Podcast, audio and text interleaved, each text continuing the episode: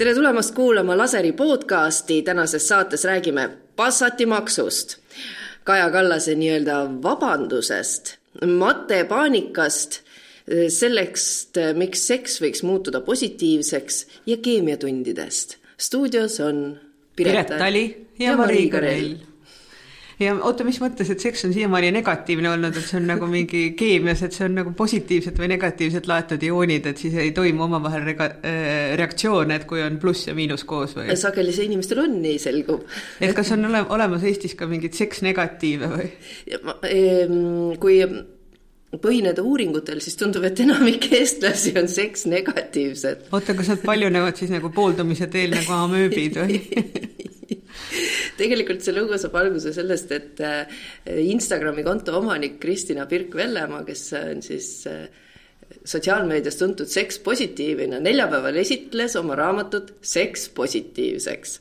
ja miks üldse selline pealkiri siis nagu algab sellest, et seks on mingi positiivne asi, mitte mingisugune asi, mida mehed võtavad ja naised peavad andma no ma sain aru mingist tutvustusest, et umbes äh, libido ei ole ka enam tore sõna, minu arvates on ka Epp Kärsin ja Mihkel Raud kirjutanud mingi raamatu, et umbes, et ära tralla mööda võõraid voodeid või midagi sellist. sa ei saa võrrelda neid selles mõttes, et kuidas on, ei saa?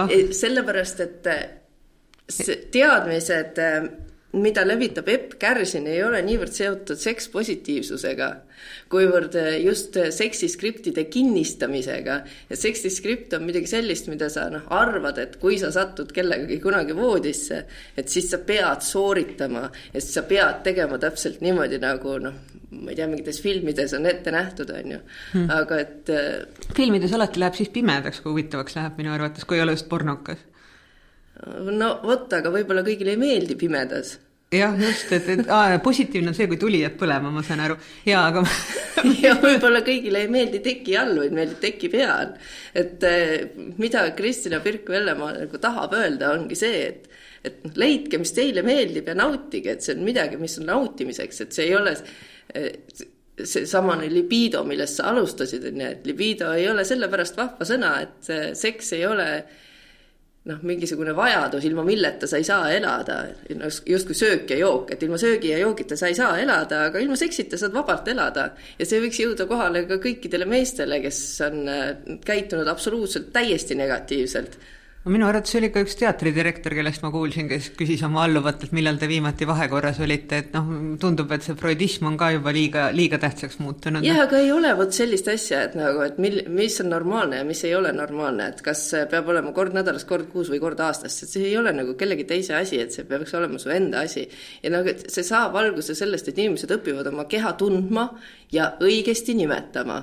et siis ähm, kui lasteaedades on kõigil lastel on nagu kätud ja lallud, on ju, ja siis neil on nokud ja tussud, siis nad lähevad kooli, siis kätud ja lallud muutuvad käteks ja jalgadeks aga tussud ja nokud jäävad ikka tilludeks, tussudeks ja nokkudeks. ma lugesin Helsingis Sanomatist selle ühe organi kohta hoopis teist sõna, mis on tulnud koos Soome ehitajatega ja kuidas tavaliselt tekivad nagu korralike neutraalsete meditsiiniliste termide asemel suhteliselt lühikesed ja ropud väljendid. tahad sa sellest lähemalt rääkida?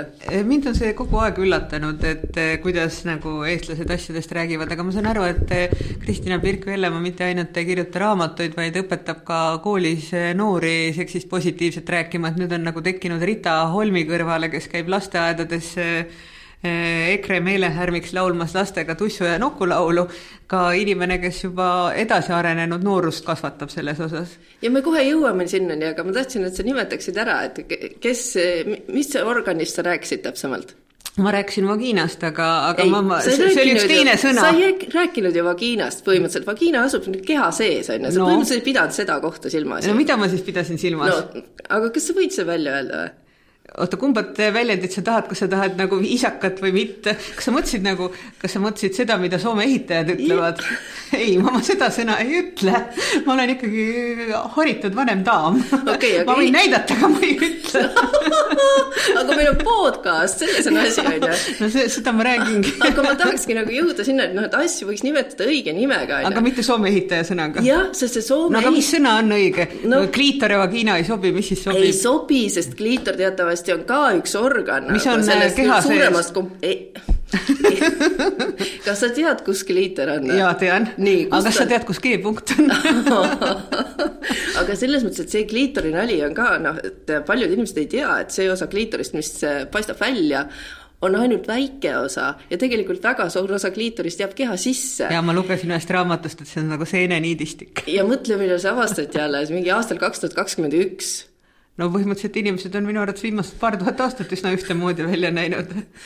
Ja aga mm, sellest Soome ehitaja sõnast, okei okay,, mida me ei maini, on ju, aga noh, Eesti Ekspressis oli suurepärane pealkiri ükskord, kui räägiti sellest, et on ilmunud raamat äh, seksi ajaloost, et millisuguse, missuguseid seksiskripte on läbi ajaloo kasutatud ja kuidas siis äh, libido ohjamiseks meestele pandi ka voorusevööd? ei pandud loomulikult meestele voorusevööd, pandi naistele voorusevöö, aga meestele siin nagu mingisugune kast leiutati, mis pandi ümber noku kuidagi, et siis sa ei saa kätega seal tegutseda juures.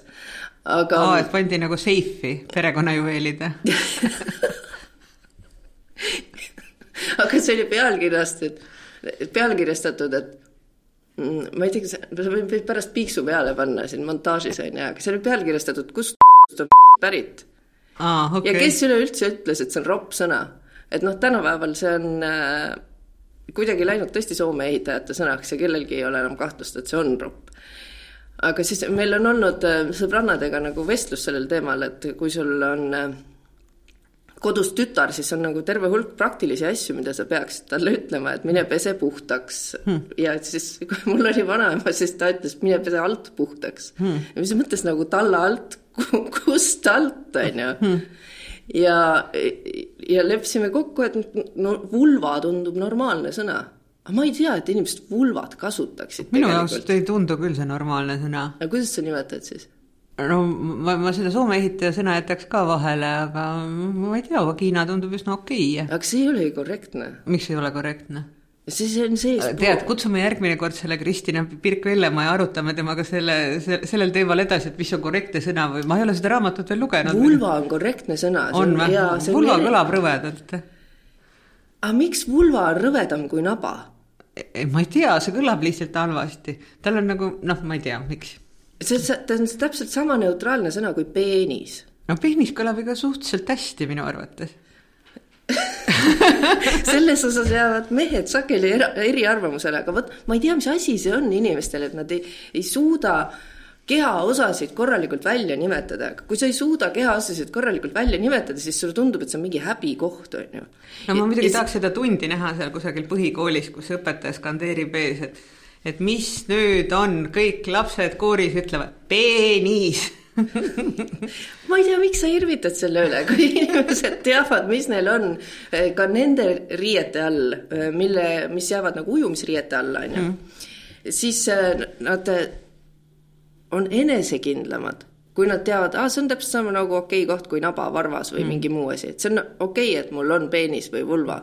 see on okei okay,, et ma suudan vahet teha munal ja munandil et, et ma ei peaks nagu häbenema neid sõnu ja kui see on okei okay,, siis sul on palju lihtsam selle edaspidi nagu inimsuhetes hakkama saada, sa oled enesekindlam, sa ei muretse nii palju, et aa, appi, kas ma sooritan nüüd selle kõik, mis on nagu ette nähtud. et sa täpselt nagu kaardistad ära sõnaliselt, et kus, mis on. ei, mulle lihtsalt meenub see, et eh, mingil hetkel oli inimese õpetuses eh, tunnis väljus eh, olukord kontrolli alt ja siis murelik õpetaja ütles, et nüüd jääb kodus, eks ole, see kõik õppida ja siis, eh, et võtta need pinged maha, siis ma määrasin erinevaid organeid koos oma väiksema pojaga ja peab tunnistama, ma ei olnud anatoomias nii tugev, et täpselt aru saada, kus äh, erinevate organite juhad kulgevad ja ja, ja noh, ma, ma ei tea, kas see aitab teda nagu elus edasi, et ta teab täpselt, kus on seemnepõis ja ja, ja kus on äh, üks, teine ja kolmas asi, aga see, see, see oli erakordselt tüütu, peab tunnistama. aga see ongi see piinlikkustunne, mille kaudu, mille taha inimesed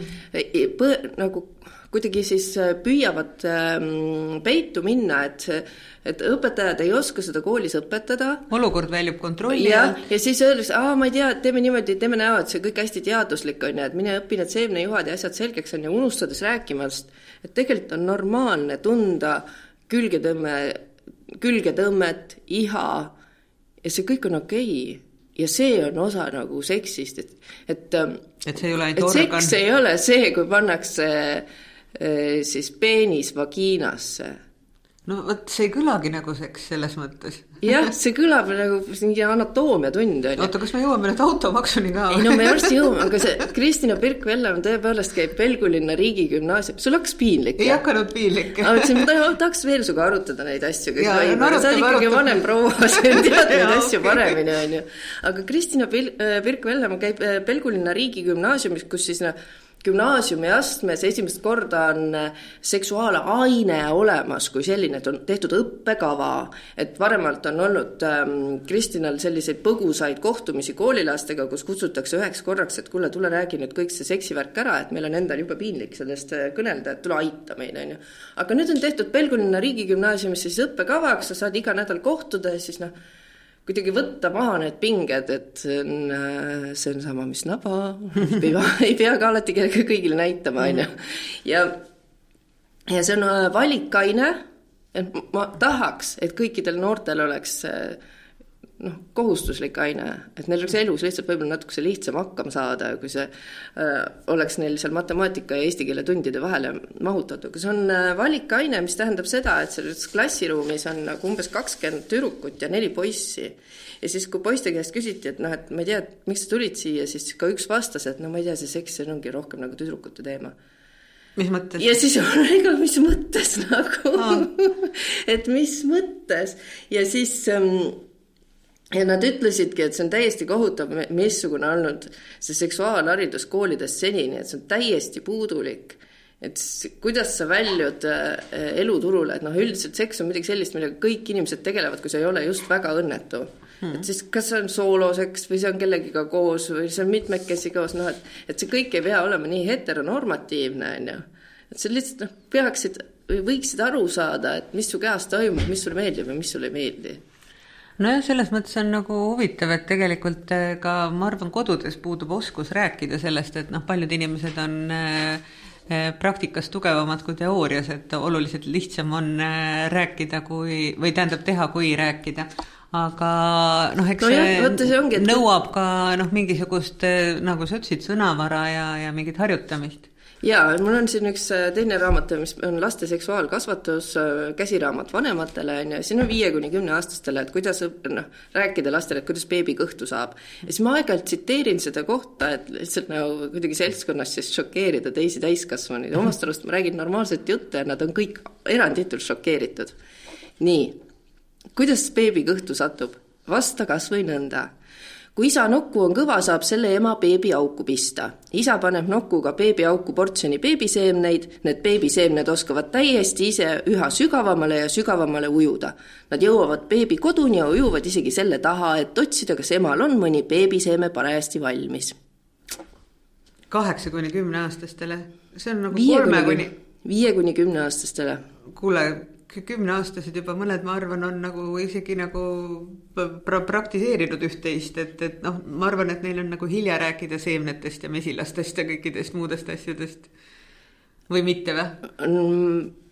no et selles mõttes. see asi, mis šokeerib harilikult inimesi, on see, et öeldakse selgelt välja, kui isa noku on kõva Aa, et me justkui tunnistame, et see on mingi organ, mis mulle, on võimeline kõvaks minema. ei, mulle see ümberütlemine, kõik need seemned ja asjad. beebiaugud ei meeldi. beebiaugud ja see, see kõik, see kõlab nagu mingi halb tõlge mingist Ameerika asjast. kes selle raamatu autor on? Raisa Katsiatore ja see on mm, Soomes mm, siis äh, väga tunnustatud äh, õppevahend ka, siis äh, Raisa Katsiatore on lastepsühhiaater, noortearst ja lektor jah, selles mõttes äh....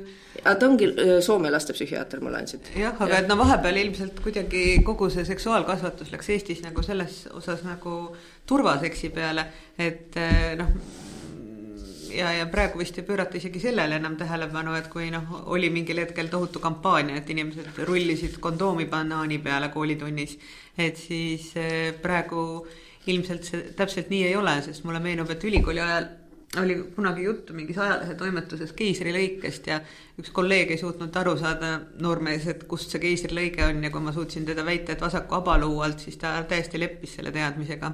aga noh. jah, no vot, aga see ongi, et kui me noh, räägime sellest banaanist ja kondoomist on ju, et siis me unustame ära, et viimaste uuringute järgi väärkoheldakse internetis väga palju noori, nelikümmend kuni viiskümmend protsenti. See on poole, iga teine noor on internetis väärkoheldud ja ligi kolmkümmend protsenti on kogenud kehalist väärkohtlemist. internetis Äh, see on internetist nüüd väljas, on ju, kehaline väärkohtlemine on internetist väljas, see on iga kolmas noor kogeb kehalist väärkohtlemist.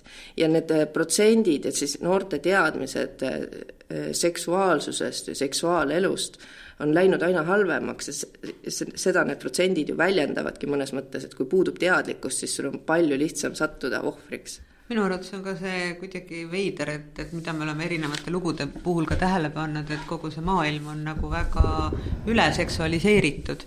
et tegelikult eh, hetkes, kus võiks eh, olla inimsuhted ja, ja, ja kõik muu selline, et, et väga varakult jõutakse äh, no mingis varases teismeeas mingite kooselu derivaatideni ja, ja siis, kui sa nagu puutud kokku tänapäeval kahekümneaastastega, siis nad on väsinud nendest kooseludest, nad on juba keskea kriisis.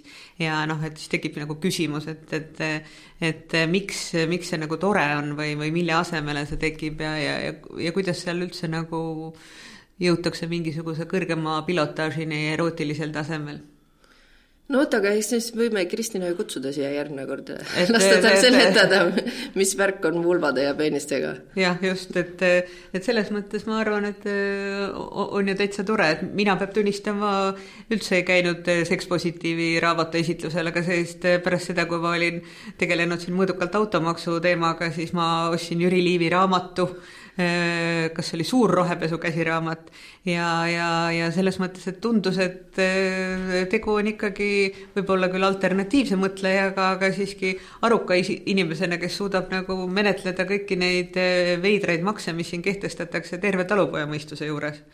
Automaks on üks nendest teemadest, millest me selle nädala laseris räägime ja me püstitame seal siis äh, küsimuse, et kas automaks täidab ka kliimaeesmärke ja etteruttavalt ja mitte eriti spoilerina mõjudes ma võin öelda, et ei täida eriti mitte mingeid kliimaeesmärke ja me leiame seal üheksa erinevat põhjust, miks ta ei tee seda nii, ja Piret on lihtsalt nagu täiesti ei suuda enam sellest seksiteemast välja, välja tulla ja ütleb, et automaks peaks täitma kliimaeesmärke. ma olen sellega ka nõus, sest tegelikult ei pea olema noh, nii suur auto, ma mõtlen. jah, minu arvates ei pea ka, see mind nagu täiesti nagu üllatab alati, mida ma olen ka korduvalt öelnud, et tundub nagu enamik inimesi ela, elaks mingisuguses kruusaaukudega võpsikus, et kui nad Tallinna kesklinnas miks sa naerad? nii, võpsikus, vabandust nojah, et Eestis ei ole üldse nagu keegi kavatseb ju maksut-, maksustada, lihtsalt nagu mulle tundub, see automaks on totaalselt ala, ajale jalgu jäänud, et me tegeleme mingi asjaga, noh, millega muudes riikides tegeleti kolmkümmend aastat tagasi. ma ei ütle, et automaksu ei peaks olema, no muidugi võib, aga noh, ma isiklikult kool, pooldan palju rohkem mingeid ummikumakse või mis lahendaksid seda probleemi, et meil on Tallinnas ja Harjumaal väga palju autosid. et kui me vaatame seda süsiniku jalajälge, mis Eestis tekib siis, siis kakskümmend viis protsenti sellest tekib Tallinnast ja viiskümmend protsenti sellest tekib Harjumaalt. et noh, see on, see on tegelikult see piirkond, millega me peaks tegelema no aga see ongi nagu see, et eh, enamik igasuguseid töökohti on koondunud Tallinnasse, aga enamik inimesi ei taha Tallinnas elada. Ja, ja siis nad siin tiirlevad nagu mesilased ümber selle Äh, kesklinna ja, ja muude bürooalade ja, ja noh, kokkuvõttes äh, on ju suur vahe, et noh, ma arvan, et see automaks oleks varem või hiljem nagunii kehtestatud, aga noh, siis tekib küsimus, et äh, mis, mis alustel ta on kehtestatud. miks sellisel kujul? no antud juhul täidetakse riigieelarve auke, aga sellel ei ole mitte midagi pistmist ei kliimaga ega ka tarbimisega, et noh, mõnes mõttes on ju okei okay,, et, et on luksusautod maksustatud, eh, mitte siis nagu Volkswagen Passatid, aga, aga ma saan aru, et sina oled jõudnud eh, ristisõjani Volkswagen Passati vastu, et, et sa oled nagu tuvastanud selles automaksus selle, et äh, ei taha mm, populistlikud poliitikud minna vastuollu vaeste maainimestega, kellest enamik siis elab Eestis mm, Võrumaal ja Põlvamaal kes omavahel käivad kemplemas selle üle, kas Volkswagen Passat on hea auto või mitte, aga et noh, ilmselt need vanad pannid on ikkagi need, mis ju ka saastavad kõige rohkem, aga mida mitte keegi ei kavatsegi maksustada. no minu arvates oleks õiglane nimetada asju õige nimega, et see ongi Passati maks et mis automaksust me räägime, see on Passati maks, et äh, kas sa alavääristad Passatit? ei, Eestis on kolmkümmend viis tuhat Volkswagen Passatit ja neist, ma arvan, enamik on vanemad kui kümme aastat, üleüldse on Eestis kuussada tuhat autot, mis on vanemad kui kümme aastat. et Volkswagen Passat on kindlasti väga hea auto, aga lihtsalt nagu kellelgi ei olnud äh, piisavat julgust, et kõik need kuussada tuhat inimest, kellel on vanad pannid nagu vihaseks ajada ja see on ka õige, et ma, ma ei leia, et, et me peaks äh, noh, inimestelt nöörima selles raskes olukorras, kus niikuinii kellelgi raha ei ole, hakkama siin mingi automaksuga vehkima, näitamata, et mis see siis nagu positiivne suund on, et et minu kõige suurem etteheide sellele automaksule on see, et seal ei ole mingit positiivset kava, et ma ei näe, et me arendaks kuidagi ühistransporti või pakuks välja alternatiivi. jah, et kogu mõte oleks ju selles, et, et me teaks, kuhu see automaks nii-öelda investeeritakse, mitte see, et see eelarveauk peaks lappima, et ma tahaks tõesti näha, et kuna ma täna jälle, peab tunnistama, sattusin jalgupidi mingisse tankitõrjekraavi, mida mingi hoolitsev lapsevanem oli kaagi ette sõitnud oma autoga, siis tekib küsimus, et kus on nagu koolibussid ja kus on jalakäivad lapsed, et noh, kui inimesed nagu tuleksid sellest tsoonist välja, et nad hakkaksid teistmoodi mõtlema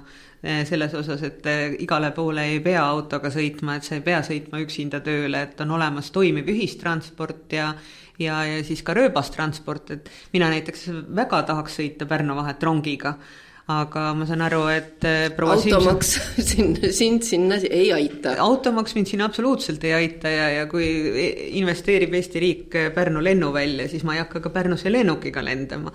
aga, aga see vähendaks kindlasti seda autostumist et, et mis, mis toimub Eesti maanteedel, ei ole ju kui, kuigi tore. aga selle see, automaksuga seoses siis üks allikas, kes on väga suur elektriautode entusiast ja ise sõitnud elektriautoga juba aastaid, käis välja nagu suurepärase mõtte, et aga mine ja veendu ise, et võta üheks nädalavahetuseks endale elektriauto, et kõik autoteenindused suurima heameelega tahavad anda see on niisugune nagu pro tipp kuulajatele, on ju. et kõik autoteenistused on vaimustunud sellest, kui tuleb klient, ütleb, ma tahaks elektriautoga sõitmist proovida, kas te saate, saaksite mulle üheks või kaheks päevaks anda seda ja siis nad annavad, sa ei pea isegi maksma selle eest, on ju. ja siis ma mõtlesin, no väga hea mõte, sõitsime elektriautoga Ida-Virumaale võttele ja tutvusime seal piirkondadega, kuhu võiks Eestisse tulevikus tulla tuumajaam ja kuhu ei võiks tulla ja see kõik oli suurepärane selles mõttes, et nii kaua, kui elekter sai otsa või? Peaaegu lihtsalt nagu no ma tõmban seda kummi natukese pikemaks, on ju, see auto läks super hästi soojaks, on ju, see oli mugav, ta oli vaikne, me nautisime sellega sõitmist, on ju. see ei olnud Tesla? no me, see ei olnud Tesla, see oli Škoda N-, Enviak, Enviak, jah ah.. Eniak. see oli Škoda Eniak. kõikidest maailma elektriautodest võtsid sa Škoda, no jaa, sellepärast, et vaata, on ju öeldud ka, et elektriauto, see on nii kallis, see on nii kallis, me teame, et Škoda on selline nagu mõistliku hinnaklassiga auto, siis ma mõtlesin, et ma võtan selle Škoda, on ju. kui ma vaatasin, palju see elektriautoga mudel maksab, siis selle hind siiski on viiskümmend tuhat ja see konkreetne asi, millega meie sõitsime, oli mingi neljaveoline ja sportmudel ja selle hind oli kuuskümmend kuus tuhat. noh, see on nagu kosmilised summad, aga okei okay,, no sel-, selleks, tõesti oli mugav, oli suur, kõik võtteasjad mahtusid ära ei olnud probleemi, et oleks pidanud nagu e, põlved e, kurgu all istuma. ja siis mul oli meeles ka see, et see elektriautoga sa peaksid käituma nagu nutitelefoniga. nii kui näed pistikut, siis pane kohe laadima jah, nagu seal tänases loos mingid erinevad härrad ütlevad, jah. esimeses kohas unustasin selle kohe ära, kaks tundi olime kellegi juures kodus, sõime võileibu, rääkisime mõnusalt juttu, jõime kohvi, on ju, ja ma unustasin küsida, et kas võib teie voolu ka laenata natukese nii, see oli viga. ja siis see Eesti kõik... elektrihindade juures on muidugi väga tore, et ma tulen, kõigepealt keedan mulle kohvi ja ma ühtlasi laen oma autoga sinu elektrivõrgus ära. ma pean ütlema, et tõesti oli natuke piinlik, saabus võttegrupp Tallinnast ja palun andke meile elektrit, on ju. ja siis kõige viimase see intervjueeritava juures me vaatasime, oo, siin on see tööstuspistik, et vot siit me saame nüüd laetud, et niikuinii me jutustame mõnda aega, paneme natuke voolu sisse, jõuame kaugemale. aga siis oli ka, ma küsisin seda küsimust, aga mul oli nagu veits piinlik ja siis ta nagu ütles, no ei no vist ikka saab ja no vaatame, kuidas, no ei no las ta jääb, ärme hakka siin, no küll me jõuame ikka Tallinnasse, mis nüüd. ja siis me jõudsime nagu Rakverre no, ja, seal oli selles mõttes kõik väga tore, see elektriauto ühel hetkel näitab, et sul hakkab vool otsa saama ja siis ta pakub sulle sinna pardakompuutrisse erinevaid jaamasid, kus sa saad laadida ennast. Ja see tundub, oi kui palju valikut, lae kus tahad. Neljast laadijast kolmest ei olnud meil mitte mingit kasu, sellepärast et kaks olid superaeglased kahekümne kilovatise otsikuga ja üks kiirlaadijatest oli valeotsikuga, mis ei läinud meie autosse. ja siis me alguses panime, okei okay,, aeglane, siis aeglane, meil siin aega on, tiksutame siis noh, et oleme poole tunni asemel võib-olla tund aega, et ei olnud jõudnud ka selle päeva jooksul süüa, et noh, et sööme siis, võtame väikse tee, on ju ja läksime juba, sööstsime sinna kohviku poole, kui hakkas tulema sealt äpi pealt neid vahvaid kiirteateid, et see kõik ei lae, on ju, mistõttu siis äh, meie tegevprodutsent Siim istus pool tundi külmas autos ja vaatas, et see kuidagi laadima hakkaks. kui see aeglane laadija lõpuks laadima hakkas, siis oli nagu perspektiiv see, et see tuleb kaks tundi seal passida selleks, et jõuda üldse Kuusalu poole või noh, natukesegi Tallinna poole. Õnneks ähm, äh, üks auto kes oli selle kiirlaadija otsas, mis sobis ka meile, õnneks sinna istus varsti Igor Mang sisse ja sõitis Tallinna poole minema, nii et me saime ennast ühendada selle kiirlaadimise Igor. Mang. Igor Mang ja siis see, mis nagu lõppjäreldus on see, et alla viiekümne viiese võimsusega laadijaid ei ole mõtet üldse panna siis nagu avalikesse kohtadesse, sest et no keegi ei viitsi seal passida kaks tundi selleks, et sõita sada kilomeetrit nojah, aga et kokkuvõttes ongi ju nagu see, et, et mul oli kokkuvõttes väga kahju Alan Vahtist, kes on väga tore mees, töötab Alexelas, alati on valmis intervjuusid andma ja Alan Vaht. Alan Vaht e,. mis ma siis ütlesin? Alar. ei, ma ütlesin Alan ah,, okei. Okay.. ma ütlesin olema ah, ja et äh, aga et põhimõtteliselt äh, nad küll arendavad seda võrgustikku, aga mitte keegi ei kasuta seda. ja, ja minu arvates on ka nagu pakutakse inimestele erinevaid toetusi, et sa saad selle elektriauto osta mingi neli või viis tuhat odavamalt, aga ka mitte keegi ei, ei taha neid toetusi ja keegi ei hakka neid autosid välja vahetama, sest see tehnoloogia on praegu jätkuvalt väga kallis et noh, sellega on sama asi nagu ma ei tea, videomakkide või CD-mängijatega, et nad muutuvad laiatarbekaubaks äh, alles siis, kui neil on piisavalt soodus hind. aga noh, ma saan aru, et see automaksu lugu on ainult osalt elektriautodest, et äh, et noh, mina olen ka mõelnud elektriauto soetamise Tõesti, peale. nii, ma räägin sulle, kus sa pead, küsima, et kas ta, soetada enda elektriauto, soovitan no. küsida meie operaatori Aini käest, et Ainikene, kas sa soovitaksid elektriautot? Kes oli nagu neli tundi oma naisele öelnud, et me kohe hakkame tulema, et kohe saab see auto täis. Ja siis ta lõpuks ütles, et ma ei tea, palun lähme koju, ma ei taha enam komandeeringus olla, ma ostan bensiini. No vaata, seal ongi nagu see, et muidu sa tavalise auto puhul sa kutsud nagu sõbra kohale, eks ole, kes toob sulle pool kanistrit ja aitab su hädast välja, aga ma ei tea, mida selle elektriautoga peaks tegema, et no võib-olla seal tuumajaama aladel, kus te käisite, eks ole, Aidu ja Letipea, et et seal inimesed saavadki aru, et nad peavad koju omale elektrijaama tegema või siis leppima sellega, et Verbi Energia teeb neile sinna tuumajaama ja nad saavad umbes ämbriga jõest võtta natuke energiat. aga, aga noh, see CO2 taseme ja kvootide arvestamisega tegi ju laser väga suure töö ära, aga, aga see asi kõik ei läinud nagu absoluutselt selgemaks pärast seda automaksu lugu või läks sinu jaoks? no ta kahjuks ei lähe sinna väravasse, kuhu me tahaksime, ehk et kliimaväravasse.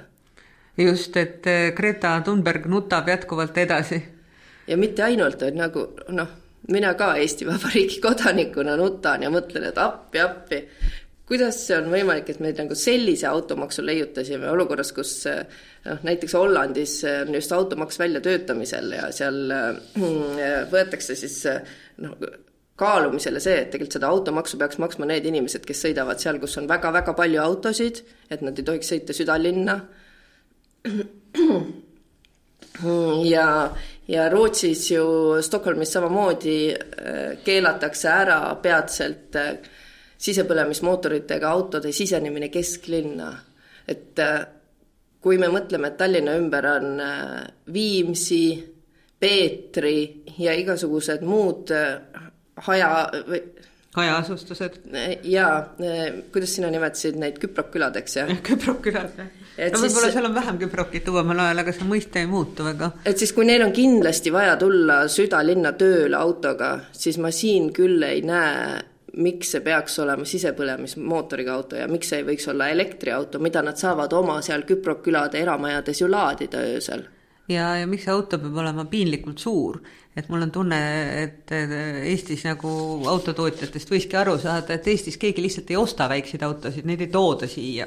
et siin on nagu auto mingisugune jätkuvalt mingi tohutu staatuse näitaja ja, ja kokkuvõttes need diisli peal töötavad äh, eriti võimsad autod, et ma ei tea, milleks neid tehakse, et ennem kui see täisvõimsusega tööle hakkab, saab Eesti riigil piir nagu ette juba, kui sa tõmbad selle korraks käima, et et milleks sellist autot tarvis on, eriti kui sa nagu liikled äh, umbes kodu ja töö vahet. minu arvates automaksuga on juhtunud see lugu, et isegi need, kes alguses pooldasid, et automaks võiks tulla, et me noh, näitame ka, et me oleme kuskile kliimaeesmärkide poole liikumas, siis pärast seda, kui peaminister Kaja Kallas äh, teatas õpetajatele, et et samal ajal, kui te streigite, siis te võiks käia ringi ja veenda vanemaid, vanemaid selles, et et äh, toetage automaksu, et siis me saame sealt nagu mingisugused rahalised vahendid, et õpetajate palka tõsta no pärast seda nagu noh, keegi ei taha seda automaksust midagi kuulda ja mul on ka selline tunne, et keegi ei taha sellest peaministrist midagi kuulda. no peaministrist nagu väga ei tahaks ammu midagi kuulda, selles mõttes, et eh, ma ei tea, millega tegeleb tema kommunikatsiooniosakond, kui sealt nagu tuleb üks ämber teise otsa, et see kolin ei mahu enam Eestisse ära ja noh, see ämbrikolin nagu kajastub ka erakondade reitingutes, et Reformierakonnal minu arvates ei ole aastakümneid nii halvasti läinud ja siis peaminister otsustas neli päeva hiljem vabandada, et see neli päeva läks aega, et aru saada, ups, vist ütlesin natukese valesti või solvavalt. ja siis selle vabandus oli tehtud ka niimoodi, et ma vabandan südamest, aga no kes see siis kirjutab sellise vabanduse, kas me noh, tõesti ei ole aru saanud, et kui sa tahad sellele vabandusele lisada mingisuguse asja komaga, et siis see tegelikult tühistab kogu selle vabanduse no kokkuvõttes ongi ju nagu see, et äh, minu arvates äh, proua peaministri sise- ja väliskommunikatsioon on erakordselt erinev. et minu arvates, kui ta nagu suhtleks Eesti avalikkusega samasuguse lugu, lugupidamisega nagu Emmanuel Macroniga, siis äh, või noh, kas või kümne protsendi samasuguse lugupidamisega, oleks me kõik nagu olukorrast võitnud, et noh, ei saa olla sellise ütleme niimoodi, et eh, mõisahärraliku sündroomiga, et, et, et sa jagad nagu inimesed kahte lehte, et üks on see, kes on välissuhtluses ja teine, kes ei ole. et alahinnata nagu õpetajate palgateemat on minu arvates väga näotu. et olles nagu suguvõsast, kus on erakordselt palju pedagooge ja ka minu ema oli õpetaja ja ka mu isa on olnud mingil perioodil õpetaja, et, et seda nagu ei saa absoluutselt eh, üleolevat suhtumist endale lubada riigipeana et see on nagu ikkagi nagu selline asi, millest sõltub ju paljuski nagu see, milliseks see riik äh, kujuneb. Ja, kokkuvõttes on see üksteist protsenti palgatõusu, mida kollektiivleppes tahetakse saavutada ja ja noh, ma arvan, et need streigid alles äh, praegu koguvad hoogu ja, ja võib-olla see aitab ka mingis mõttes äh, kaasa selleni, et Eesti hambutud ametiühingud ükskord saaksid jala maha ja inimesed hakkaksid oma õiguste eest seisma õpetajate palgaga seoses äh, on meil laseris sel teemal äh, matemaatikast juttu ja me räägime sellest, et veerand õpilastest kukkus läbi eelmisel aastal mate põhikooli eksamil, kolm tuhat kakssada õpilast ja natukese peale ei sooritanud matemaatikaeksamit isegi hindele kolm ja see on väga-väga suur number. ja siis kui me küsime nagu ametnike käest, et okei okay,, et aga mis on plaanis teha, et kas te olete jõudnud analüüsida, et pool aastat on mööda läinud, et äh, mis selle põhjus on, et äh, kas see eksam liiga, liiga raske või on mingisugune õppekavas on mingisugune kala sees, võib-olla ei õpetata neid asju, mis seal eksamis küsitakse, siis ametnikud vastavad, et, äh, et jaa, et meil see analüüs alles käib siin, nagu olukorras, kus varsti tulevad uued eksamid peale jah, selles mõttes, et igaüks muidugi saab praegu ka panna laseri Facebookis proovile oma matemaatikateadmised, seal on üks tore ülesanne mm, rooside ostmisest, et õigeid vastuseid saab sinna kirjutada, ma ei märka tohutut tungi, ei märka. eile oli kuus kommentaari, õigeid vastuseid kõik ei olnud, aga, aga noh, ma arvan, et tegelikult on küsimus väga paljuski ka selles, et matemaatikaõpetajate tase on Eestis väga madal ja Eesti ühtluskool kui selline on äh, tugevalt läbi kukkunud, et äh, minu arvates haridusminister või haridusministeerium peaks siinkohal võtma vastutuse, sest kui ka õpetaja-metoodik Kristel Tamm Kaagist rääkis sellest, et põhimõtteliselt lähevad klassi ette kõik kaheksateistaastased üliõpilased, kes on ühe aasta käinud ülikoolis, õppinud matemaatikat.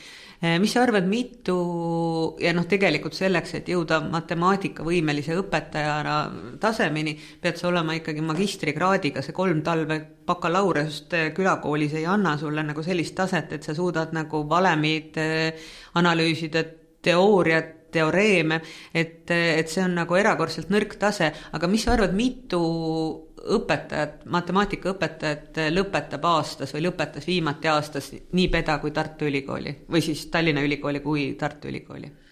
ma ei oska arvata, ja erakordselt äh, vihkan igasuguseid arvamismängu, selles mõttes, et kui sa tahad olla nagu teravmeelne ja visata selle numbriga kuidagi, siis palun tee jaa, ma teen seda, ma teen seda, et äh, ma ei mäleta, kumbas ülikoolis, ühes lõpetas kuus ja teises lõpetas seitse, aga neid õpetajaid, keda on puudu üle-eestiliselt, neid on kohutavalt palju. Ja, ja noh, tegelikult iga sügis on need haledad kirjad, et palun tulge meie kooli reaalaineid õpetama ja ja noh, ikkagi nagu Eestis on minu arvates humanitaarid liiga kaua seadusi teinud, et et, et on seda matemaatikat ja seda temaatikat kõvasti kärpinud ja, ja noh, kokkuvõttes nüüd on nagu noored hädas, sest ei ole ka üldse kindel, et nagu selle arvu matemaatikatundidega, mis praegu kooliprogrammis on võimalik eh, omandada need teadmised ja ja tõesti, kui Eestis on häid koole ja mitte nii häid koole, siis heades koolides on pandud nii matemaatika kui eesti keele tunde juurde ja inimesed saavad parema hariduse ja teistes koolides jällegi ei saa. et noh, see ei ole nagu tore, kui sada kolmkümmend viis klassitäit lapsi kukub matemaatikaeksamis läbi ja kõik me vaatame sellest mööda mulle tundub see erakordselt ebaõiglane, et äh, lapsed on need, kes kannatavad, äh, sest äh, kui on juhtunud, et matemaatika neid ei ole hakanud elus huvitama, siis on väga suur tõenäosus, et seal võib olla käsi mängus õpetajal, kes ei ole võib-olla seda teinud kõige armastusväärsemaks või kõige huvitavamaks. või teine variant, et ta lihtsalt ei oska seda ainet, on sattunud täiesti juhuslikult klassi ette ta ei suuda kedagi nagu sellest eh, teemast, noh, vähe sellest, et sütitada, ta ei suuda sellest ka nagu vajalikul tasemel teda läbi vedada, sest noh, kokkuvõttes selle loo käigus me ju saime aru, et matemaatika kui selline selle eksami sooritamiseks ei ole raske. seal on eh, viis pluss kaks ülesannet ja, ja selleks, et eh, see rahuldaval tasemel läbi saada, sa pead saama kolme miinuse sisuliselt ehk täitma viiskümmend protsenti. noh, selleks äh, ei pea olema erakordselt äh, särav ja briljantne mõistus. Ja sa tahtsid, et haridusminister võtaks vastutuse selle eest, no mina tahaks ka, et haridusminister võtaks vastutuse selle eest, mis toimub tal seal Eesti kahesajas, on ju, et mul on väga kahju kuulda, et Kristina Kallas ei kandideeri esimeheks ja ja me näeme, et Margus Tsahkna soleerib äh, erakonda, mida me oleme tegelikult ju ammu kahtlustanud, et äh, Hussar on seal käpiknukk ja teeb seda, mis Tsahkna ütleb, et nüüd siis hakkame nägema nojah, aga võib-olla ikkagi haridusministrina on Kristina Kallasest rohkem nagu tolku kui seal erakonnas, mis nagunii ei tõuse ega ei lenda enam ammu juba. no ei tea, ei tea, et see võib-olla oleks hakanud siis lendama, on ju. et ähm, võib-olla oleks aeg, et ühel erakonnal oleks äh, naisesimees, kes ei ole parasjagu Kaja Kallas on, vaid on mingi, mõni muu Kallas või mõni muu naine mõni muu kallas, vot eh, selles suhtes ma olen sügavalt nagu eriarvamusel, sest noh, minu arvates nagu meie praeguse peaministri kõige nõrgem äh, klausel on see, et ta on teist põlve peaminister, ma saan aru, et Eestis võib olla nagu äh, mingi Kasahstaniga nagu lähem seos kui näiteks UK-ga, aga, aga noh, see on nagu, nagu liiga ilmselge selleks, et asjad ei peaks nagu niimoodi käima, et sellega et sa Eestis poliitikas äh, karjääri teed, pead sa olema äh, kas kellegi äh, abikaasa, tütar või, või midagi teist või kolmandat, et mulle meeldiks, et niisugune Sanna Marini masti naine oleks siin kusagil eesotsas, kas siis mõnes erakonnas või, või siis valitsuses jaa, aga ma tahaks, et see mm, võrdõiguslikkus poliitikas tõstaks pead ja seepärast soovitan kõigil vaadata mm, Apple plussist filmi Lessons of Chemistry, see on keemiatunnid, mis näitab, et elu siis Ameerika viiekümnendatel ja kuuekümnendatel ja kui vahel tundub, et asjad on siis nagu nii halvasti, siis neid naisi ei võeta üldse tõsiselt, siis tuleb korraks vaadata tagasi viiekümnendatel ja kuuekümnendatel võeti neid veel vähem tõsiselt. et me oleme teinud edusamme, aga õnneks me ei ole ka kunagi elanud Ameerikas. aga on võimalik hoopis paremini, aga see mm, keemiatunnid siis Lessons of Chemistry on kirjutatud samanimelise Bonnie äh, Carmosi raamatu põhjal, mis raamat ilmus alles aastal kaks tuhat kakskümmend kaks ja see oli kohe hitt ja kohe on saanud siis seriaalitootjad ka aru, et aa, see on lahe teema, see on lahedalt tehtud, on ju, teeme sellest seriaali ja Brie Larson mängib seal peaosalist, kes on keemiamagistrant ja üritab saada keemiadoktoriks. oota, kas see oli see keegi Marveli näitleja, see Brie Larson või? jaa.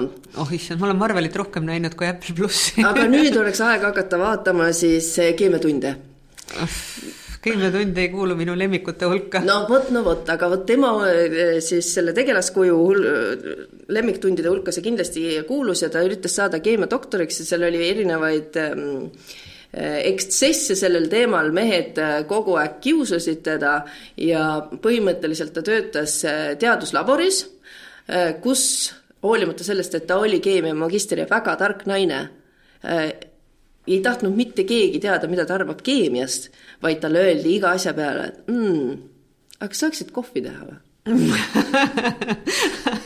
nojah, aga vaata, ma olen töötanud ka erinevates kanalites, kus üks minu tööülesandeid on ka kohvi teha olnud, noh näiteks Vikerraadios hommikuprogrammis võtad, otsid külalise üles, kus ta on parasjagu ära eksinud, küsid, kas suhkruga või ilma, kas vesi on jahutatud või soe. Ja, või, või noh, näiteks TV3-s, eks ole, päevatoimetajana otsid ka külalise kusagilt eh, poolel teel Lasnamäele üles ja, ja küsid ka, et oo, mida teile pakkuda kohvi? Ja põhimõtteliselt mul on ka teadusmagistrikraad, et ma ei tea, kas see peaks nagu segama või mitte, et kas see tohutu eneseteostus, kui sa oled mingil sellisel sellisel kergelt administratiivsel tööl, et sind pannakse kohvi tegema või kes kohvi teeb või kui palju kohvi teeb, aga aga noh, teine asi on see, et kogu see seriaalimaailm äh, töötab nagu rohkem kui kunagi varem või hiljem sellise retroviipe või retrovaibi peal, sest äh, ma olen märganud, et äh, noh, üks asi Stranger Things ja Better Call Saul, et kõik need nagu tuginevad, isegi nagu see Chess, mis räägib Ameerika naismaletajannast, et hästi palju nagu sellist äh, viiekümnendate, kuuekümnendate, kaheksakümnendate, üheksakümnendate olustikku tohutult fetišeeritakse. Äh, ja, ja noh, isegi need äh, riietus ja, ja kõik muu selline võtab nagu tohutult tuult tiibadesse ja selles osas on keemiatunnid ka väga toredad, seal on stiilipuhtalt näha kõik need kostüümid ja see olustik, aga see meeste käitumine see lihtsalt nagu, karp vajub lahti ja sa tahaks loota, et see olukord on paranenud, aga siis vaatad natukese seda Riigikogu istungit ja tundub, et no oleks võinud paremini minna. tead, ma kirjutasin eh, ühe raamatu, vist viimane, mis ma kirjutasin, oli mingi Eesti hambaarstide sajand ja siis oli väga huvitav eh, võrdlus tegelikult, mis räägib tohutult Eesti eh, kasuks, et Eestis on olnud ju hambaarstid, ma ei tea, kas keegi on üldse kunagi näinud mõnda meeshambaarsti, aga kaheksakümmend viis, üheksakümmend protsenti on olnud need naised juba sellest ajast peale, kui seda eriala hakati ülikoolis õppima ja ühed vähesed naised, kes olid. ja äh, ülikoolis üldse olid siis noh, arstiks ei saanud, aga hambaarstiks kuidagipidi võis saada arstiks ei saanud, just nimelt, on ju. no mingi plokk oli ees. hambaarstiks eest sai, aga see-eest oli selles lugu ühest suurepärasest Kanada naisest, äh, kes oli väliseestlane ja väga palju toetas äh, ka Kodu-Eesti äh, seda elanikkonda ja tema oli üks viiest äh, naisarstist, kes Kanadas oli hambaarst. kujutad ette, see oli sama ajastu üks oli ühel mandril, teine oli teisel mandril ja siis temast sai siis selline Äh, õpiku näide sellest, kuidas naised võiks läbi lüüa. tal oli tütar Piret, kes oli ka hambaarst, kes kahjuks autoõnnetuses sai surma, aga nendest sai selline brošüürinaine, kes reklaamis erinevaid ülikooli erialasid. Ja, ja ta oli olnud, eks ole, pagulane, ta oli tulnud sinna läbi Rootsi, paadipõgenik ja, ja siis ta oli ennast üles töötanud ja saanud naishambaarstiks ja kõik ülejäänud olid mehed ja siis Eestis otsiti samal ajal meeshambaarste nagu tikutulega taga. et võib-olla siin ikkagi on naistel rohkem mune kui kusagil mujal. mäletad, vanasti olid ka kõik õpetajad mehed Ja, seda ja... mina ei mäleta, see oli nii ammu, ma olen küll vanem, aga, aga mitte nii vana. minu ajal oli koolis küll väga palju mehi, sest äh, ma käisin koolis äh, kaheksakümnendate lõpus ja siis tuli väga palju noori mehi, mis tähendas seda, et see kool, kus ma õppisin, saigi väga tugevaks reaalalade riigigümnaasiumiks. ma tahtsin tegelikult rohkem ajas tagasi minna, et no, me meenutame Lutsu kevadet, et siis seal on kõik õpetajad mehed ja neile antakse see ametikorter ja, ja kõik tundub nagu, käivad korralike ülikondadega üldse ei kuidagi ei rõhu neid see madal palk, aga et siis hakkasid õpetajateks saama üle maailma naised ja miskipärast see ei olnud enam see palk nii kõrge. no minu arvates Eestis juba õpetajaks olemine varsti hakkab ära tasuma, kui sulle pakutakse noh, maal tõesti ka ametikorterit ja ja kui sa lähed Virumaale, siis sul juba palk tõuseb nagu mühinal ja, ja soovitan no, siinkohal vabandada kelle ees? õpetajate ees, et sa alavääristad nende ei, palkasid. mis mõttes ma alavääristan, selles mõttes, et äh, ma ei alaväärista, et äh, minu arvates see, mida Agur lubab äh, seal riigigümnaasiumis, on pannud minul küll kõrvad liikuma. et, et miks siis mitte ja noh, kokkuvõttes küsimus on pigem nendes asjades, et haridusreform peaks jõudma kõikidesse koolidesse, et sinna peaks jõudma head õpetajad, vahet ei ole, kas mehed või naised. Tahaks, et maailm oleks parem. Sellega me iganädalaselt tegeleme laseris, vaadake meid äh, TV3-st, kuulake meie podcasti ja leidke Youtube'ist üles laseri kanal Lasertech